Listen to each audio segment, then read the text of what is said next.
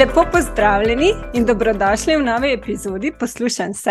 Zelo me veseli, da ste tudi tokrat z mano in z mojo gostjo. Danes je gostja uh, Jasmin Podveršič, magistr profesor logopedije in surdopedagoginja. Jasmin uh, ne poznam še v živo, upam pa, da jo malo spoznam.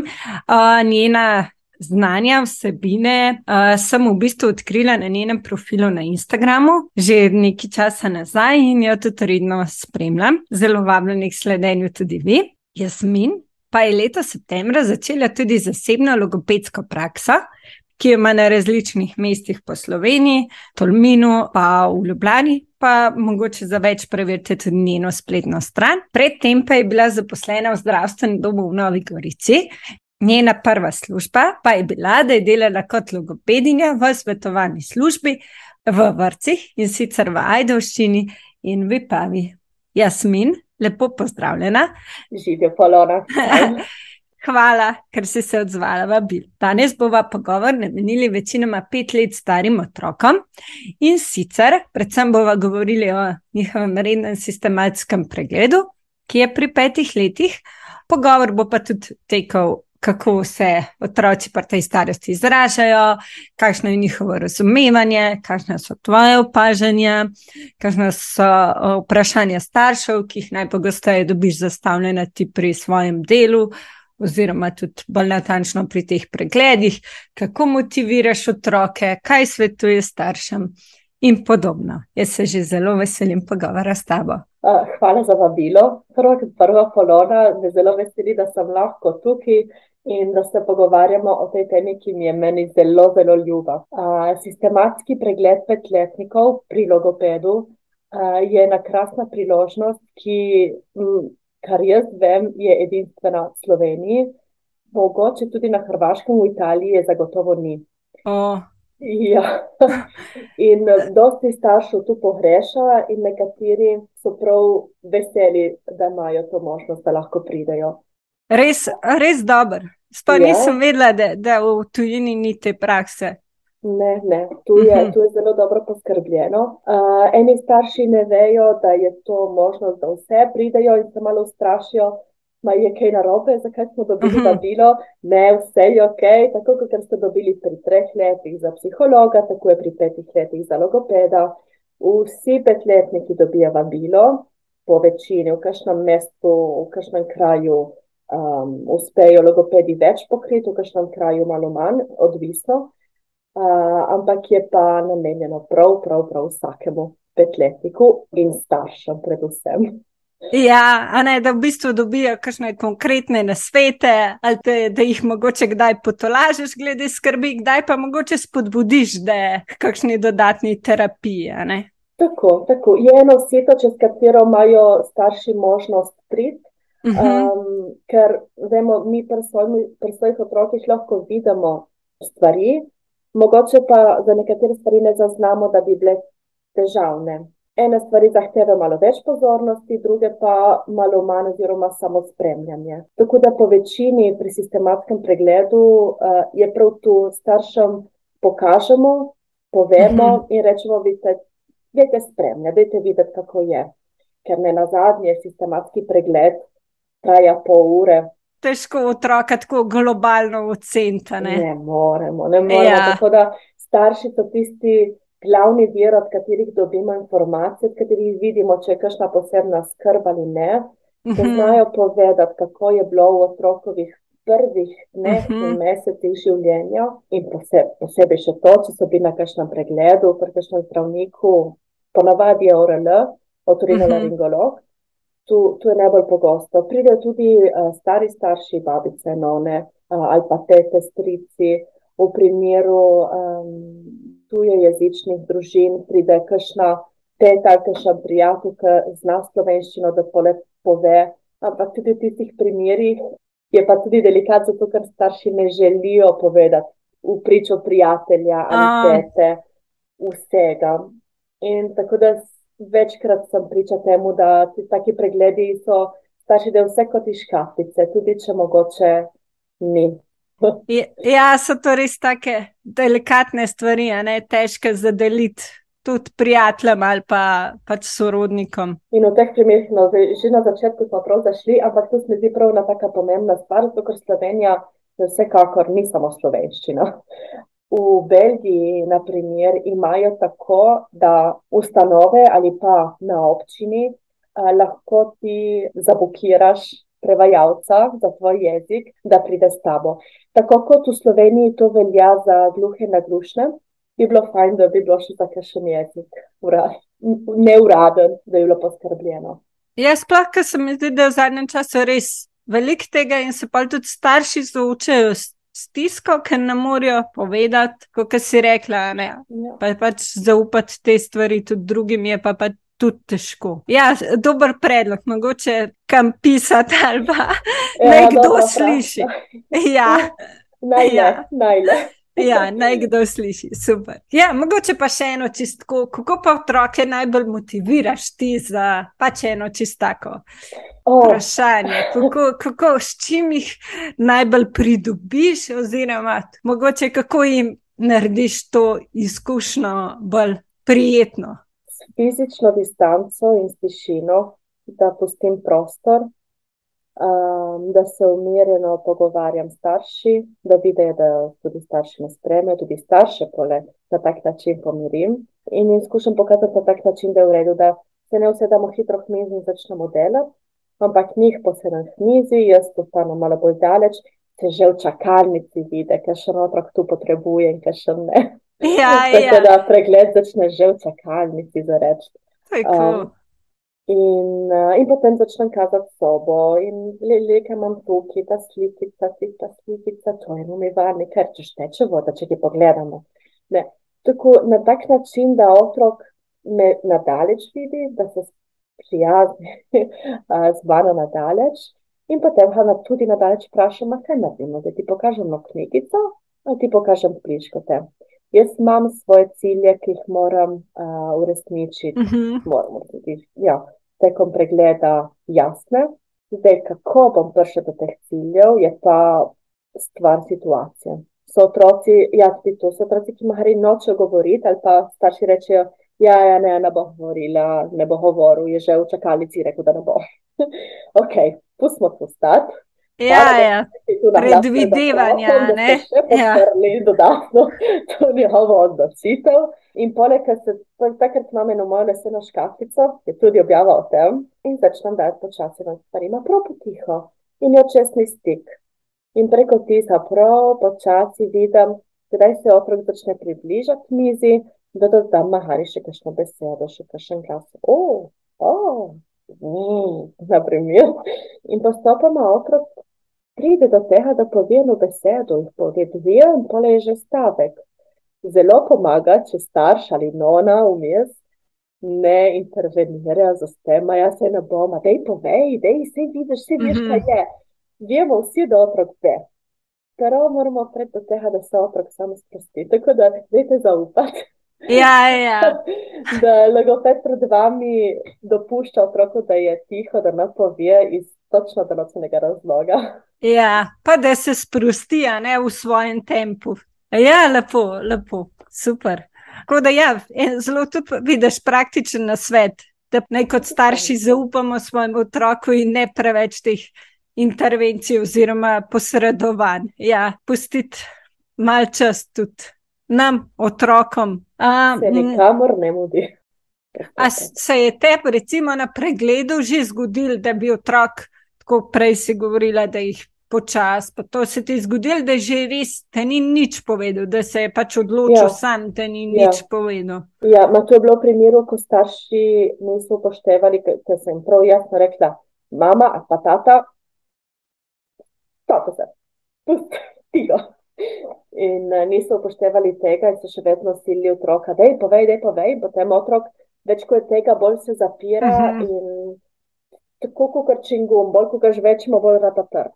Mm -hmm. Več, pusti. Božje, če ne bo, pa je tudi v redu. Sistematski mm. pregled se lahko tudi ponovi, da rečeš, da ja, in tudi tu, starši, nastojite, reči otroku, če ne boš govoril, bomo mogli še enkrat priti. kot, kot na grožnja. Če ne boš pridel, bo prišel policaj. Okay, pokličemo policaj, samo če kaj narobe, če narobe kakšno pomoč, pa naredimo, pa kličemo, papeža. Tako da, ne, ne, ne. ne. Um, puste, puste, je vse v redu. Vidimo otroke vsak dan, cel dan. Če ne bo šlo, ja, ok, se bomo lahko videli še enkrat, če boste želeli. Ma naj ne bo to kot ena grožnja otrok. Tako. Ja, ker pa bo v bistvu res še manj sproščen in bo še več tiste zakrčenosti, ki si prej rekla. Ja, se dogajajo v mislih, celi procesi miselni uh, in, in otrok se vedno bolj pripriča, ne, sem rekel, da ne bom govoril, ne bom govoril, ma iz principa. Ma seveda, koliko od nas dela stvari iz principa, kaj jih ne bo delal otrok. Ja, ja, res je mogoče, kako pa otroku potem razložiš, ali mu kaj razložiš, ali mu daš kakšen mu rečeš, pa zdaj boš imel pa zvezek za vaje, oziroma kako ta naprejšen pogovor z otrokom potem, mislim, nadaljen pogovor potem. Glede tu za naprej, da ja, tiste vaje, ki jih pokažem, jih vedno izvedem staršem najprej in potem še z otrokom. Starš mora nujno tudi poskusiti, kako se delajo te vaje poleg tega, da me snemajo. Jaz nimam zvezka, mi ne všeč zvezek. Jaz imam liste in naredim vam, jih prehnem, naredim barvce, naredim usta, vam z liste in kako naredim to vam za vsega zvezka. Tako da jaz imam raje mapice, ki imajo prozorne liste, da daje pole noter te razne izdelke. Da, ja, se... Ne more več se na enem listu. Tako. Vse je uh, pač različno, zato vprašam. Pač zvezek je bil tako. Ja, uh, ja je bil ja. močna, močna stalnica. Man, in marsikaj tež, kakšen starš tudi pride z zvezkom in želi imeti zvezek, in v tem uh mhm. -huh. primeru spoštujem njihovo željo uh mhm. -huh. in skušam prilagoditi tako, da so stvari noter v zvezku. Tako. Ampak ni, uh, ena moja želja, ne pravilo, uh, uh -huh. da bi vsi otroci imeli zvezek. Razumem, čist. Uh, ja. Se pravi, v bistvu tudi starše, tako, da se starši malo uh, sami pripravijo na ta sistematski pregled, da ni nič hudega, oziroma pač, da, je, da, da ja. bojo dobili veliko informacij, da bodo podprti v primeru, če so kakšne težave, bodo pa dobili napotke in usmeritve za vaje naprej, oziroma pa tudi za drugim strokovnjakom, če boš to ocenila. Tako. Ja. Gremo k logopedu skupaj, ne greš logopedu ti, otrok. Uh mhm, -huh. Gremo uh mhm. -huh. skupaj videti, kaj bo. Kaj pa če je kakšen otrok, kako pridejo? Se zgodi, da je to v bistvu pregled, kdaj tik pred šolo. A se zgodi, mislim, če gre kakšen otrok že prej, a se ti tudi zgodi tako, da je. Ali v bistvu so vsi tako, da imajo še eno leto časa pred šolo? Kako je to v praksi? O, prav, prav različno. Prav različno, kajšni lahko pridejo celo uh, malenkost pred petim letom. Uh mhm. -huh.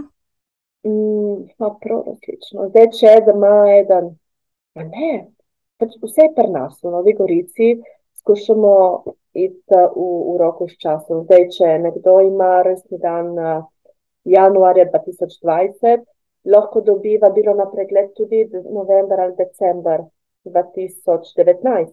Uh -huh, uh -huh. Lahko pa se ni išlo in dobi vabilo januar ali pa februar 2020. Ni, ko le še yeah, yeah. začne septembrom. Ah, res skušamo mi pri nas v Novi Gorici držati ta tempo, da ne, ne gre čez. Zaenkrat nam uspeva. Aha, super. Da je v bistvu res zelo blizu petega leta, par mesecev, prej, par mesecev kasneje, ampak zelo tam, tam se pravi. Tako, ne vem zdaj, kako je drugje, ampak tukaj um, to uspeva. Ja. Otrok, otrok naj bi pri petih letih pravilno izgovarjal že vse glasove. Kaj vse, če lahko najprej poveš, kaj vse je osnova, da otrok pravilno izgovarja, se pravi, artikulira vse glasove. Pa če je mogoče pri petih letih še kakšno, bi rekla, da če še dopuščate, da otrok mogoče kakšnih glasov ne izgovarja še čist pravilno, točno. Uh, kaj pa gledamo pri uh, pregledu? Tu je bilo tvoje vprašanje. Ma res, to je vprašanje, ti dala že na začetku. Ja, preveč, preveč, vem. vem. Tako da se moram omejiti drugič. Povej mi, kaj te zanima zdaj? Uh, v bistvu, mogoče to par petletnikih. A je kakšen glas, ker pač govor petletnika ne bi bil podoben ženam odraslim? Ja. In uh, je še mogoče kakšen glas, ki so pač po teh imate nekakšne mejnike oziroma približne lestvice, ker otroci so si med sabo različni. Uh, in sem zasledila, da nekje še je pokr toleranca, da pa petih letih kakšne glasove, šumnike, čeprav vem. Ja. Pa če bo mogoče ti kaj več o tem poveš, kako je.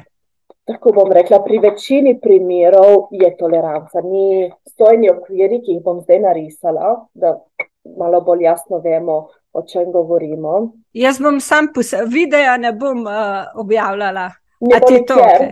ok, je Gaussova krivulja. Mislim, če, če bi želela, če je tako, pa mogoče tudi nisem no, mislila sicer. v redu, ne, ne, ne, naredimo tako. Bom opisala z besedami. Lora Gaussova krivulja je tako kot en val, ki začne nizko, gre po sredini gor in konča spet nizko dol. In zdaj, tam pri začetku je ena skrajnost, kjer je nizko dol na desni strani, na levi sta dve skrajnosti. Normala, oziroma tisto, kar pojmujemo mi kot normalno stanje, je tisto, kar je na sredini. In tudi tisto je pole razdeljeno na več delov, više, niže in tako. Tako da vsa ta odstopanja od um, normale, od tistega najvišjega vrha, ja, odstopa, odstopanja od uh, tega, tu, če otrok tukaj pomeni, da je še v redu, da ni nobene prekomerne težave. Mogoče rabe malo pomoči, ampak nič, nič kaj takega. Zdaj, če pa je en otrok tukaj v spodnjem delu, je pa treba malo več, aha, ti vidiš na prav v tem spodnjem delu je pa uh, potrebno malo, malo več skrbi um, in opazovanja vložiti. Tako da otroci pri petih letih morajo biti vsem odraslim, um, morajo imeti razumljiv govor za vse odrasle. So primeri, kjer lahko rečemo, da ni še R. Prav razvit, ampak je dosti otrok, ki pridejo na sistematski pregled. Ja, lik dva tedna tega je rekel R. Po večini je R, Kršni imajo tudi težavo pri uh, sičnikih in šumnikih, pri enih je samo artikulacijska težava. Da potem, ko se jim pokaže, da ko slišijo, uspejo sami, prenem dečku en deček je bil tako izjemen. Sem se prav čudila v trenutku, je razumel, zakaj se gre in je potem to tudi uspel obdržati. Wow. Ja, nekaj neverjetnega. In um, nekateri pa imajo težave s slušnim razločevanjem kar ni podle artikulacije več, ampak gremo na ne druge uh, nivoje. Področja, tako, tako. Kaj v bistvu zelo vpliva. Ma seveda, artikulacija vpliva marsikaj. Um, de, če pogledamo tako iz mehanskega vidika našega telesa, kot iz čustvenega vidika našega emocionalnega sveta. Pridejo mi starši z otrokom, ki je tak otrok je malo bolj zadržan in ker je v enem novo okolje, nova jaz, zdravstveni dom, ker ponavadi gre tudi zdravniku, zobozdravniku, mislim, ni da ni. Stres, ja. Seveda. In se potegne še malo bolj nazaj. In ker se fizično otrok ne more potegniti dovolj nazaj, se pa v njegovih ustih zgodi ta potek nazaj. In vsi stičniki postanejo taki sredinski, taki malo podobni kot šumniki. In potem takrat vprašam starše, ma doma opažate tudi, da govori tako, ne, doma ne, doma je vse v redu, ma in ker tega jaz ne morem vedeti. In samo rečem, da je to slediti doma temu, da je to opazovati. In če boste videli, da v vseh situacijah so prisotni taki sičniki kot tukaj, pole, če želite, lahko pridete uh, na, na obravnave. Tako. Ha, čustvena stvar, da se otrok tako potehne nazaj. Ja, ja, res, ful si lepo pisala, res. Mogoče na, bi rekla, prvi pogled, oziroma tako ne bi pripisali temu, da, da res to ima res tak lahko tako velik vpliv. Ampak ja, če mm. pomislimo logično, res je vse v našem telesu povezano, sploh pa ja, pod pač stresom, kot si rekla, ne zdravstveno, dom res večina otrok, no se tudi odraslih povezujemo z eno tako, mogoče z različnimi izkušnjami, no mogoče tudi manj prijetnimi, je lahko pač stresno za nas. Ja. Marsikaj še logoped eh, bo tu um, znal povedati, da tako kot oblika vpliva na funkcijo, funkcija vpliva na obliko. In tako je tudi s čustvi. Čustva vplivajo na telo in telo vpliva potem na čustva. Smo oni ljudje, ki smo sestavljeni iz več stvari, ne moramo vzeti upoštev samo eno stvar. Ja, o, se čisto strinjam, res. Pa mogoče to skrat to um, komponentom, mogoče ali pa saj po mojem mnenju pač spregledamo, oziroma zanemarimo. Tako, ja, res vele, tako ful povezano vse. Mogoče tukaj še, a so mogoče kakšne dejavnosti, ki jih svetuješ, ali pa ki si v vrtu, ki sem videla, da si delala tudi delavnice za prečovske otroke so kakšne dejavnosti ali pa aktivnosti, ki jih starši lahko vsakodnevno izvajajo s svojimi petletniki, ki pomagajo tudi recimo z artikulacijo ali nasplošno za boljši jezikovni razvoj v, v tem obdobju. Wow, si naredila na raziskav. ja, ja. ja, ja, ja, ja. logično. Ja, ja. je meni ni to.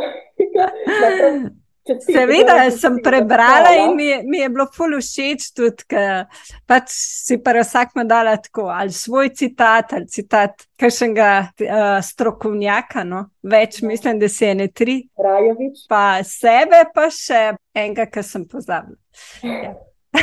ne, tisto, joj.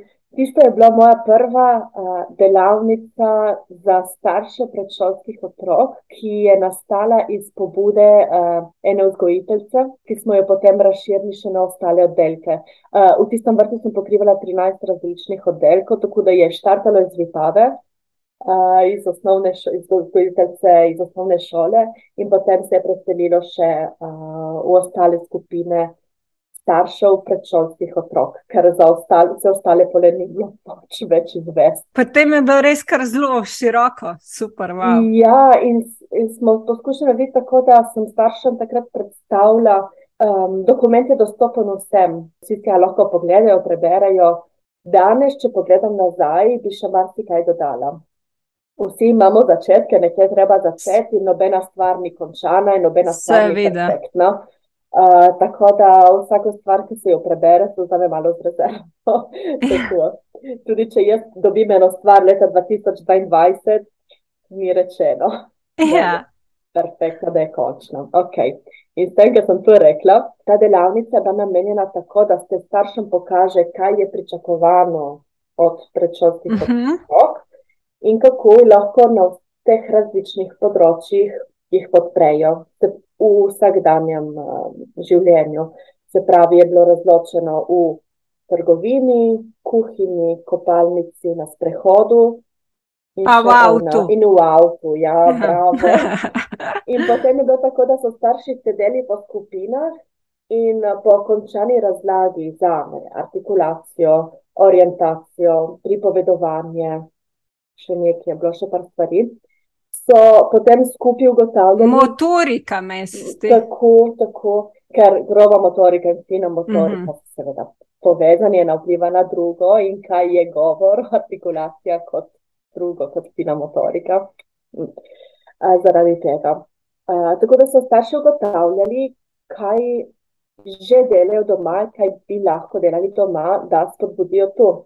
In smo prišli ugotovitve, da marsikaj že delajo, in da je v redu, da to počnejo še naprej, da ni, da ni slabo, da otrok pripravi mizo, da da vilice, da ni slabo, da opazuje, da posluša, da ni treba, da vedno vode nekaj za, v ozadju, kakšna glasba v avtu, na primer.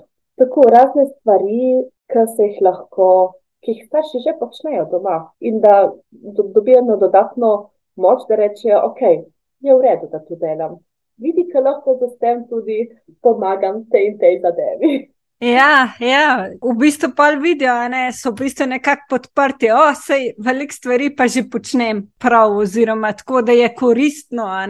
Ja, pa mislim, da si meni je bilo zelo všeč, ker si v tem opisu delavnic si dala meni zdi, da citat, da vse, kar naredimo na mestu otroka, je v bistvu njegovo škodo. No? In ja, tako ga si rekla, tem, da pripravim mizo ali tako. Saj vedno se temu v realnem, v praktičnem življenju, sploh če se nam kaj mudi. Se nam je tudi ena toleranca, se nam pač kdaj zgodi, da kaj na hitro na mesto otroka naredimo, kar je pač tudi logično in čez življensko. Ampak ja, tako kot si rekla, se mi zdi, da so starši pri teh delavnicah, takšnih vrstah ali pa tako, tudi svetovanjih, lahko v bistvu pomirjeni, da pa veliko stvari že prav delajo, pa mogoče dobijo pa tudi še kakšno novo idejo kako, kako mogoče kdaj tudi jaz vidim, pa pač sem strokovnjak z tega področja, ampak vidim, pozabim na kakšno idejo in pa vidim, da je vse res, to sem pa že počela, pa sem zdaj čisto pozabila. In, uh, In je vse v redu. Ja, in je vse v redu. Ja, tako, ja. tako. Ja. Tu, glede časa, glede hitenja, to je ena taka, ma niti sodobna tema, zato ker je vedno, je vedno ta problem. Odraslim se mudi, otrokom se nikamor ne mudi. je, je zato je odvedno, se mi zdi. In uh, mogoče Rimljanom se ni preveč mudilo pri zidanju Rima. Tako, uh, tudi kakšni umetniki, ne vem, Van Gogh, Botticelli, še kakšen kipar, zraven, ki zdaj mi pride na misel, uh, primek. Tudi tem se ni prav mudilo. Leonardo da Vinci, vaben, ni spal toliko, kot mi vsi, novami ja. smrtniki, ampak uh, pri vsaki stvari, ki si je zadal, si je vzel svoj čas in prišel do dna, ma se mu se mu ni mudilo nikamor. Zakaj se ne more muditi pri nas samih in potem posledično tudi pri otrokih? Ni, ni jih optimalno. Ja, ja, dosti se, ja, dosti se govori tudi o epigenetiki zdaj, uh, kako zunanje stvari imajo vpliv na nas, tako enostavno povedano. In tudi to hitenje, poleg prehrane in okolja, kjer živimo, imajo veliko vpliv. Ja, pa se časi res, uh, res potrebujemo samo ustaviti, pa se je pa težko. Ja. Ja. Otrok, ne vem, noče iti v vrtec ali pa, ko smo na sprehodu, hoče, neče več hoditi, uh, hoče priti na roče, nam se pa mudi. Ma, mogoče si lahko vzamemo tistih pa par sekund, 30 sekund je dosti, ma so le sekunde konc koncu. Da ga vzamemo na roče, ne vem, dvoletnika, petlet, ni važno malo smo tam, vsi v redu, gremo naprej. Ja, gremo naprej. Okay. In je vse pa le spet hodi. Brez nobenih slabih občutkov, slabe krvi, samo da se ustaviš. Ja, ja. O, to, to je pa res tako zelo praktičen, pa tako na svet. Res, da, da res ne ramo, dost, ne, ne ramo zdaj 10 minut se ustaviti, pa res pol minute, minutko, pa se tudi nam odraslim pomaga, tist, da malo zadihamo. Ali... Se ve, da naša ja. pozornost, ja. govorimo toliko o pozornosti, ima pozornost, je 9 minut traja, maksimalno, tudi od nas odraslih. Pole se moramo preusmeriti, gledamo nekaj drugega in pa le spet začnemo gledati, ta mm. preusmeritev mm. se zgodi nazaj. Ma, če ne, pozornost ne more biti v nedogled. Ja, da ja. tudi vaje. Prej si vprašala, glede vaj, ki jih dam pri sistematskem pregledu. Bolj kot tu je na svet, da ne delajo preveč časa vaj, ampak da jih delajo ja. dobro. Če vidijo, da otrok začne razmišljati nekaj drugega in da je točno prvaje, paš ta, se ustaviš, nimaš kaj delati naprej. To je škoda napačno. Ja, tukaj je spet tisti kvaliteta pred kvantiteto, ne? da je tisti čas, da je res tisti kvalitetno usmerjen, recimo, vajo. Pa mogoče bolj manj, kot kar več, ampak da je ti res, tako kot si rekla, pravilno izvedena vaja. E, ja, uh, zdaj bom naredila majčko, Miha, spoiler nove objave, ki bo na Instagramu. Ja, uh, super. Ampak uh, razlika med besedami čim bolj ali čim bolje. Tukaj si rekla, uh mhm. -huh. kvantiteta ali kvaliteta. Zdaj, naši možgani so tle, da nam pomagajo. Če mi hočemo narediti tu eno stvar, nam bodo naši možgani pomagali na vse načine, da bomo mi ratali čim prej, čim boljši pri temu, če bomo le želeli tako. In zdaj, če mi več časa namenimo utrjevanju enega napačnega vzorca, a možgani mi ga to vejo, bojo utrjevali tisti vzorec, ki mu, mu, mi rečemo. Tako da zato je res važno delati dobro, dokler uspemo. Ko ne uspemo več, se ustavimo, se vzamemo pauzo, smo spet tam, se ustavimo. Ja, ja. Tole, kadar smo spet, gremo naprej. Ma, se pravi, da vaje z odlogopeda ni, da se usedeš v mizi in da jih delaš od začetka do konca. Ma, lahko se tudi vse na mrzlo slabo. Ja, ja, ja. Ampak... Ima otrok željo in uh, če hočemo, tudi imamo ene svoje cilje pri tem, da hočemo, da se otrok navade, prenizi in vse te stvari, lahko tudi. Ampak še vedno za smislu na to, da ni cilj ta, da je narejeno do konca, ampak da je narejeno dobro. Tako. Ja, to je v bistvu tisto bistvo in tisto kar je tudi mogoče pri branju, pri pisanju, tudi pol kasneje poudarjamo, ja, specialni pedagogi. Tako, kot si rekla, res, to je res veliko bolj pomemben. Ja. Sli se zelo dobro objava, že, že ko mi čakam. ja, dobro si to ja, zastavlja. Ja, bomo ja. videli. Ja. Kakšne reakcije na to? Ja, kaj pa v bistvu takrat, ko opaziš, da ta govorni vidik še ni dobro razvit, oziroma tako, kaj, kaj narediš, mislim, pač s kom se povežeš, kaj svetuješ, če govorni vidik pri petih letih še ni razvit. Govorni vidik misliš kot uh, vse skupaj, uh, uh, ja. govor ali samo jezikovno ali tudi artikulacijsko? Za oboje skupaj, recimo. ali pa v bistvu lahko tudi razloži za vsak vidik posebej. Naprimer, kaj je za govor, pa če je mhm. recimo pri jeziku. Uh, ja. Da, sem mogoče malo zašla. ne, ne, je eno dobro vprašanje, Ma, zelo globoko vprašanje. Mo, mogoče začnem z enim vicom. je, je eno otrok, ima eno leto, ne besede. Ima dve leti, no govori še več. Tri leta zdaj začne že malo skrbeti. Pri štirih letih je no, ona, ki že sile v mamo, daj peli ga neka, mama, ma ne, vse bo v redu, ma se smo že šli, se smo že bili. Pri petih letih otrok normalno vse kaže, gleda, kazanje tudi na komunikacijo. Pride resnica, pride torta, pihne svečke, pokuša. Ma ta torta ni sladka dovolj. In vsi ga pogledajo, da ti znaš govoriti. In otrok reče, da ja, kaj ste mislili. In zakaj do zdaj nisi več govoril? Ma, do zdaj je bilo vse v redu, meni neč falilo. Nima nobene pripombe za prodati. Ja. Um, kar se zdaj tiče uh, jezika, kot uh, sestave besede, komunikacije, komunikacija je že to kazanje. Oh, to je en cel svet. Kaj, če uh, ima otrok uh, podporno komunikacijo? Kaj, če je otrok gluh in naglušen? Kaj, če anatomska struktura ni tako razvita, da lahko podpre eno optimalno artikulacijo? Se pravi, jaz lahko dobro artikuliram, ampak moj jezik ne bo tako dobro razvit. Iz nešteto razlogov, ki jih ne bomo zdaj tle razlagali, ker je res, res, res neskončno možnosti. Lahko je jezik zelo dobro razvit, ampak glasovi niso dovolj razumljivi.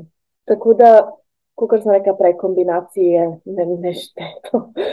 In uh, je stvar, je delo strokovnjaka prav to, da ugotovi te nijanse in uh, kako lahko tega otroka najbolj opolnomoči. Da pozna vse sosede, ki so te, sosedne strokovnjake, se pravi pediatr, ORL, zobozdravnik, pedontolog, um, fizioterapeut, delovni terapeut, specialno rehabilitacijski pedagog, pedopsihiatr, uh, psiholog, ma gotovo sem še koga spustila. da ne spustimo tudi alternative, da veš, kaj obstaja, da veš, uh -huh. o mhm. čem ti starši govorijo, da veš, kaj bi lahko temu otroku prišlo v poštev. Najpogostejši primeri so taki, kjer svetujemo pregled pri oraleju, oziroma bežte k pediatru, rečemo, in dajte vprašati njegovo mnenje za orale. Uh. -huh. Zato, ker mi kot logopedi nismo, ne napotimo, lahko samo uh mhm. -huh. povemo naše opažanje. Tu je v primeru, da artikulacija kot mehanska stvar ni v redu, se pravi povečana žrelnica, povečani mandli, priraščen jezik, te zadeve tu. Ta so ta najbolj pogoste. Če so težave bolj pretežno jezikovne, svetujemo pole pregled pri psihologu, specialno rehabilitacijski terapeut in kar je najbolj važno, da se povežejo s svetovalno službo v vrtu. Mhm. Zato, ker otrok je v vrtu večino dneva in oni tam imajo, je svetovalna služba tam zato, da pomaga otrokom in staršem in vzgojitelji so tudi tam, da podprejo tega otroka.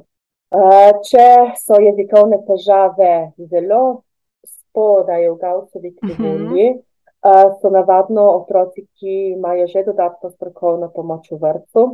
Nekateri imajo dodatno strokovno pomoč, ne zaradi jezikovnih, ampak zaradi drugih težav, da ne boste kaj še mislili, da ta ima dodatno strokovno pomoč, ta ima jezikovne težave. Ne tako, tudi te na celo Maurico. Res je, cel spektrum različnih težav. Ja. Ja. In um, je treba videti, bolj ko se dela skupaj, boljše je. Če se dela premalo, je premalo, če se dela preveč, je tudi preveč. Začne biti polje otrok odvisen od te pomoči in se zna zgoditi, da ne, da ne več, da ne zmore več sam, da vedno išče neko zunanjo potrditev, a je naredil prav ali ne. Mhm. Tako da je treba biti pozorni in hoditi. Tako kot tisti, ki hodi po ti vrvici. Ja, ja. eno ravnotežje, eno ravnotežje loviti. Tako, ja, tako da ne pademo na prestran eno ali drugo. drugo ja. Ja, tako kot si prej rekla, ne, v bistvu in ravnotežje pri tem, tem, da se ustavimo, oziroma ravnotežje pri uh, vsakodnevnih obveznostih, ne, tako tudi ja. tukaj pri pomoči, ne, da je ja. ni premalo, ker polni rezultat, oziroma da ni preveč, ker potem otrok ni tok, pač išče našo potrditev, velikrat. Ja. Kako pa um, ti, par, um, ki imaš pregled, katere so pa tiste skrbi staršev, oziroma da se večina staršev, s katerimi skrbmi, oziroma mogoče tudi strahovi, oziroma kaj njih zanima, kaj zanima večino staršev. Večina staršev zanima, zakaj so sploh tam. Tisto, na začetku jim ni jasno, jih najbolj. Naslednja najpogostejša stvar, ki jih zanima, uh, so vaje, kaj uh mhm. -huh. lahko delajo oni doma. Ha, um, in rečejo, da ja, nam so rekli, da moramo počakati do petletnega pregleda, da pridemo k logopedu, da ne moramo priti prej. Ni res. Okay. Vi, če zaznate kot starši, kakšno težavo pri otroku, da bi vam lahko logoped pomagal, lahko prijete do logopeda. Pustimo ta čakalne vrste. Ja, so čakalne vrste, ampak ni treba, da čakate do petega leta. Zdaj, če ima otrok štiri leta in ga upišete v čakalno vrsto, on gre naprej s to čakalno vrsto. Pet let, ima pet let, pride na sistematski pregled in mogoče je čakalna vrsta že tako napredovala, da čez dva tedna ali pa čez en mesec pride že na vrsto. -hmm. Zdaj pa, če mi čakamo sistematski pregled, da pridemo k logopedu, da pole logoped reče, da ja, lete, bi bilo fajn, potrdi dvom, ki ga ima starš in šele takrat ga upiše v čakalno vrsto, ajmo, vemo, kaj se zgodi. Gre spet tisto leto mimo. Tako da je fajn, takoj, ko imamo kakšen dvom, Ma tudi lahko rečemo, pediatr, pediatr je tisti, ki napiše na pot. Tako. Oziroma, mhm. delovni nalog v našem primeru lahko napiše gor samo za svetovanje. Ja, in je v bistvu, do, mislim, da smo imeli takrat že zajdel to, pr, če nas skrbi glede vida oziroma razvoja vida. Enako bi v bistvu tukaj rekla, ne, bolje, da je tudi, če se potem naše uh, pač skrbi oziroma ne iz, smo v vsakem primeru smo potem pomirjeni, Če pa ima otrok kakšno težavo, je pa v bistvu boljš, oziroma čim prej jo lažje je in za otroka, in za nas, in običajno več uspeha. Ne? Tako da v vsakem primeru ja, je bolj vprašati. Uh, pač izraziti pediatru našo skrb, dvome, in če ni nič, super, smo pomirjeni. Če je, če smo, uh, je več možnosti, da nam bo našemu otroku no, uh, pomagali, pa tudi nas podprli, pa tako, bili bolj uspešni. Ker če je res to mogoče pa že tik pred šolo, ne? ker pač vse veliko teži. E, ja, e, ja. Mm. Ker pediatr tudi, pediatr je strokovnjak za svoje področje, ima ne za logopedsko, um, ne za psihološko in ne tako. za socialno rehabilitacijsko. Tako. On lahko zazna ene težave, tako kot mi, mora poznati vse te sosede, sosedne strokovnjake, da ve, kam napotiti da pole tisti strokovnjak reče, aha, vidi, ja, bi bilo fajn, da se vidimo še. Mm. Ali pa ne pri mene, ampak bi bilo fajn, da greste k temu drugemu. Vem, da greste najprej na ORL in pole vidimo, kako naprej, da vidimo, kako je sluhom. Ja, tudi tu, prej smo govorili o slušnem razločevanju. Je, ha, če se ne bom spomnila primka, uh, ena raziskava uh, je pokazala, da otroci, ki so imeli pogosta vnetja srednjega ušesa, se pravi več kot dve vneti srednjega ušesa tekom enega leta, je več možnosti, da bojo imeli oziroma da imajo težave s slušnim razločevanjem, ki potem izpade kot ena artikulacijska težava, ki ni. Mm -hmm. To res... lahko postane, zato ja, se otrok ja. napačno nauči postavitve uh, artikulatorjev. Tudi, no, s tem, da pediatri niso strokovnjaki, tudi vzgojitelji v vrtu, marsikdaj srečam ja, um, vzgojitelje, ki rečejo: Povej mi, kakšne vaje moram delati v vrtu, da bom tisto delal z vsemi. Ema, čakaj. Beži k enemu fizioterapeutu, vprašati to. Beži k enemu delovnemu terapeutu. Če zakaj ne? Vemo vsi, zakaj ne. ne? Ja, ja. Tak je specifičen in vse, vse vaje za niso enake za vse. Eden ima R, ker ne gre zaradi enega razloga, pa zaradi enega drugega. In mogoče ti te vaje, ki boš ti delala z vsemi, bojo zafrustrirale tistega otroka, tako prav direktno rečeno. Zato, ker ne bo mogel narediti tistega giba, vsi ostali bojo lahko razen njega, zato, ker ima mari priraščen jezik. Ja, wow. Verjetno potem ta razlaga pomaga, da si predstavljam, ja, razumejo, zakaj res zakaj res ni, niso vse vaje? Uh, mislim, zakaj ni vsaka vaja za vse? No? Eh, ja, ja. Treba videti razlog, kaj se dogaja pri tem otroku, kaj potrebuje, pa le mu dati skušati dati vsaj točno to, kar potrebuje. Ja, um, smo ja. res. Pač vsak od nas je tako individualno bitje s svojimi, tako kot si rekla prej, fizičnimi in čustvenimi vidiki, emocijami in vse, kar vpliva na nas, in obratno, kot si prej. ja, ja. Ne moramo kar tako tja v en dan. Mislim, lahko, lahko kar tja v en dan delamo, noč ne bo hvalilo. Ampak ja. se moramo zavedati, da delamo tja v en dan. Ja, ja, ni, ni takih prvič rezultatov, pa drugič lahko pa tudi, kot si rekla, no, po narekovajih zafrustriramo, oziroma pač spravimo v stisko tudi nekoga, ne? ni strokovno, oziroma ja, ni. Ali pa potem, um, ja, smo dobili te vaje na internetu, smo delali že doma te vaje. Ok, dobro, pogledamo, kako ste delali te vaje. In ugotovimo, da so jih delali na napačen način. In se pravi, da je ta otrok utrjeval napačno vzorce gibanja. In je bil čas vržen proč. In zdaj mi bo še mene otežilo delo, zato ker gibi so podobni, ampak na drugačen način izvedeni. In tam, kjer je majhna razlika, je teže se prilagoditi kot tam, kjer je velika razlika. Mm -hmm. um, tako da tudi te vaje na internetu so dobro namerno dane, ampak spet noben fizioterapeut ne bo dal. sem na fizioterapeuti, zato ker so mi tako blizu, kar se vaj tiče, da rečem, ali pa osebni trenerji. Ja, jih lahko dobimo, ampak malo ugotovimo, ena mene še zmeraj boli hrbet, ali pa mene začelo boleti trama. Mm, ja, res mislim. Jaz pa sebe, no, pač, raj vidim, da, da grem k osebni trenerki in tam treniram in mi točen pač sprot popravlja, če, če ne robe delam. Ker če doma delam, ne vem, če delam čist prav, verjeten mogoče podoben. Ma, točno to, točno to. Zdaj, zakaj bi delali neki ufole, rečemo mi, tako tja v en dan? če lahko ti isti cajt porabimo za nekaj, da naredimo dobro, da je dobro narejeno. Da, tako, da je potem v bistvu en učinek, da, v bistvu, da se res splača tisti vložen trud, pa čas, ga, da nam da res pač rezultate, take, ki jih mi želimo, ali pa sebe, ali pa otroku. Ja. Ja. Pole so še eni taki, govorimo o primerih, ne, uh, ja, kaj, ja. kaj največ povezujem. Uh, so primeri otrok, kjer vidim, da je tako, odkrenljiva pozornost, oziroma težko uh, svojo pozornost ponovno usmerijo na aktivnost, ki jo delamo trenutno.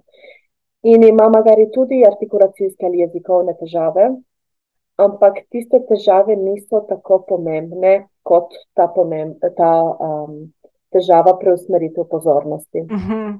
V tistem primeru svetujem iti stari zdravstveni defektolog, nov zdravstveni specialno-rehabilitacijski terapeut, da tam najprej začnejo delati in potem se vidimo še, še pri logopedu in seveda spet v vrtu oziroma tam, kjer so v varstvu. Uh, tako da tak, predvsem v takih primerih potem uh, vidim starša, da je preveč informacij in rečemo, ok, dajte me snemati, zdaj s telefonom, da boste si doma lahko poslušali več video, audio, meni, meni osebno ne menja.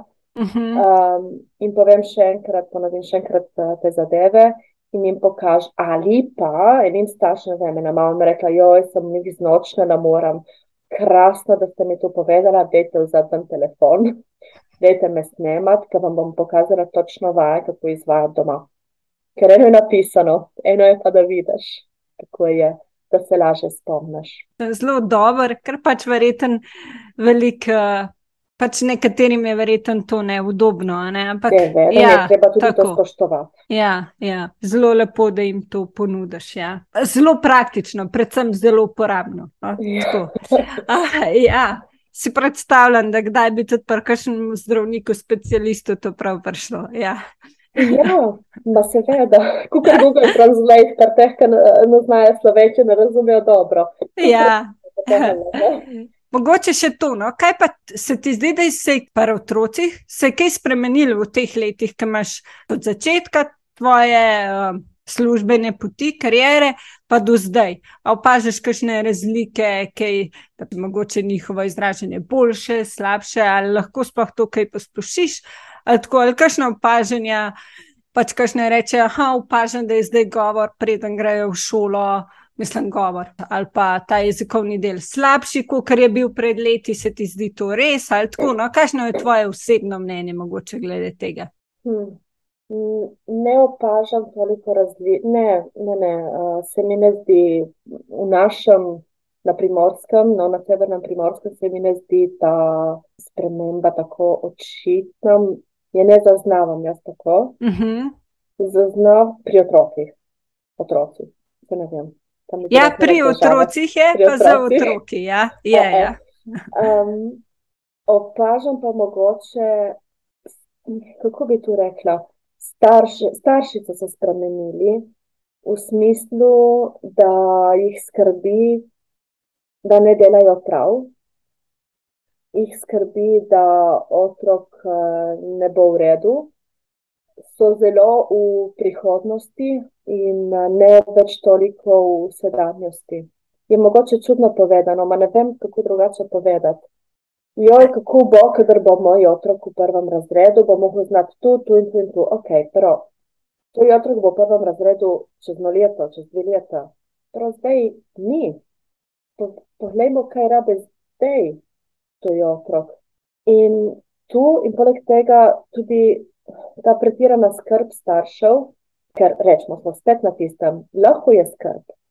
Ma če pretirana, ni prav. če je premalo skrbi, tudi ni prosto, spet tam. Spet tam. Ravnotežje, ja, ravnovesje. Ja. Ja.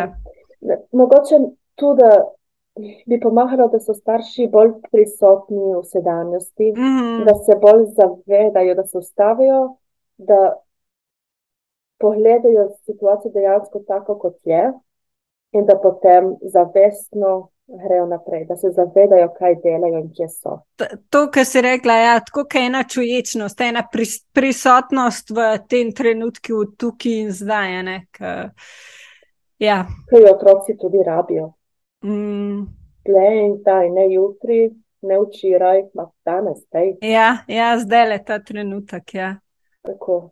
Ja. Tako, Zelo lepo si ta opažanja strnila. Se ti zdi, da smo še kaj izpustili? Mogoče, mogoče tudi, da starši imajo kakšne izvide, predvsem iz oraleja. Ni tako važno, če je bilo kakšno unetje katero koli drugega telesnega dela, kar ni uho. Zareč, ampak ne, lahko prinesejo tudi izvide na sistematski pregled za lažje razumevanje. Ker tudi se pa ne, ne spomnimo, kaj je bilo na tistem pregledu, kaj so nam rekli.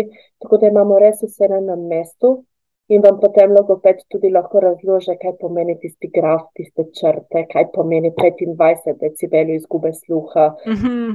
Vse te stvari uh, jih potem razjasne, kaj pomeni. Mislim, ja, na roleju so rekli, da jezik ni priraščen. Je res, vzamemo ven kljunasto merilo, vidimo procente, ki prvo meritev niso nikoli mirodajni, iz istega razloga od čustev in nove okolje, ampak so mhm. vsaj okvirni, tako da vemo, kje smo. Tako, to mogoče. Ja, v bistvu potem res kot logoped lahko staršem razložiš recimo tiste izvide, mal bolj Tako. praktično, oziroma tako, da razumejo potem. Ja. Mi smo na razpolago staršem za, in otrokom za preventivo, se pravi, da nekaj skušamo preprečiti, da vidimo, da prestrezemo. Mm. Ja, ja. koliko časa pa približno traja, v bistvu, ko smo zdaj že par času, mm -hmm. koliko časa traja ta pregled? In, uh... Če je sistematski pregled, koliko traja, približno če, namenjenih je pol ure. Če je vse v redu, se zaključi tudi prej. Če je vse v redu in ima starš vprašanja, traja pa pol ure ali pa tudi celo kaj več, zato ker pa le pride, eh, imam vprašanje za otroka, ki je doma in rešimo tudi tisto, sem tukaj za starša, ki je pred mano. Lahko se je zgodilo tudi, da smo vrabili 45 minut, ampak to še ni pomenilo, da tisti, ki so bili naslednji v vrsti, so dobili manj časa na razpolago. Uh mhm. -huh. So dobili še zmerom toliko, koliko so potrebovali. Uh mhm. -huh nekje pa treba narediti konec, ne moremo ja. več to nedogled in to zna biti kar težavno v kakšnih primerih. Tako da dajte razum, prosim, da niste edini v dnevu pri meni. Um, Še to sem pozabila več. Jaz smo govorili o jeziku, artikulaciji, pero pridejo otroci tudi, ki imajo eh, težave z glasom, ki so hripavi ali eh, ki imajo izziv z pljanjem. Uh mhm. -huh. Tako, ali pa eh, so starši, ki imajo dvom in vprašanje glede dvojezičnosti. Tako, ni samo artikulacija in jezik, imajo še, še ostale stvari, ki pridejo lahko poštev. Ja, ja, kaj pa mogoče svetuješ pri teh? Uh... Za glas, uh, pornjatru. Pornjatru v Sloveniji je v Mariboru, in v Ljubljani, trenutno, nekjer drugje. A res so. Ja, ja. Uh, in uh, pri zajecljanju pa srčno, srčno svetujem logopede, ki so se specializirali za to. Je ena evropska uh, specializacija, ki so jo naredili nekateri logopedi pri nas, večina jih je v Ljubljani na ZGNL-ju, Zavod za gluhe in naglušne. Uh, ena logopedinja je pa tudi v Centru za komunikacijo sluh in govor Portoroš. Aha. Tako da je daleč, vem, da je daleč, ampak koliko dosti se splača biti obravnavani pri nekomu, ki je prav specialist za to. Ja, to, tako kot smo rekli, pač, če res. Se, se, se, ja, ja. Jaz lahko res... da me ne osnovne napotke imam. Kašta, se stave tam. Mislim, da smo zdaj večino pokrile. Dosti smo uh, se pogovorili, ja, bilo je to. Sva se res, uh, mislim, da si vsa tako, kar je tega sistematskega pregleda in kako se mogoče, da, da je res en del rednega sistematskega pregleda, Jasmin, hvala. Je ja. bil pravi prijeten pogovor, zelo vesela. Ja, tudi jaz, tudi jaz, jaz uh, mislim, da so res na večino odgovorili. Uh, Lahko bi še pa še klepetala, že vidim, v velik smeri. Ja. Ampak ja, da malo tudi časovno omejim mm. dolžino podcasta. Super. Ja, res sem še enkrat sem zelo počaščena, vesela res tudi zelo rada te spremljam, všeč mi je tudi tvoja uh, strokovnost, sploh pa tudi to, ta drug vidik, ki ga dovoliš, dopustiš, ki uh, ga deliš z nami. No. Ta spodbuda je malo mogoče drugačnemu razmišljanju, oziroma tako. To mi je tudi zelo všeč. No, in zelo tako vem, ja, da, da mogoče tega nismo včasih pa se zdaj roka na srce, veliko strokovnjakov že, ampak ja, mi je zelo, pač meni osebno to veliko pomeni in pove. Tako, ja. Hvala za te besede, res, res cenim in se hvaležna za njih. Vseeno. Ja. ja, res tako čutim, mislim. Hvala ti za pogovor, mislim, da je bilo res veliko koristnih informacij in napotkov. Bova pa potem, tudi če bo še kakšno vprašanje prišlo, bova še potem odgovorile oh, po epizodi. Ja. Hvala vsem za poslušanje in se slišimo.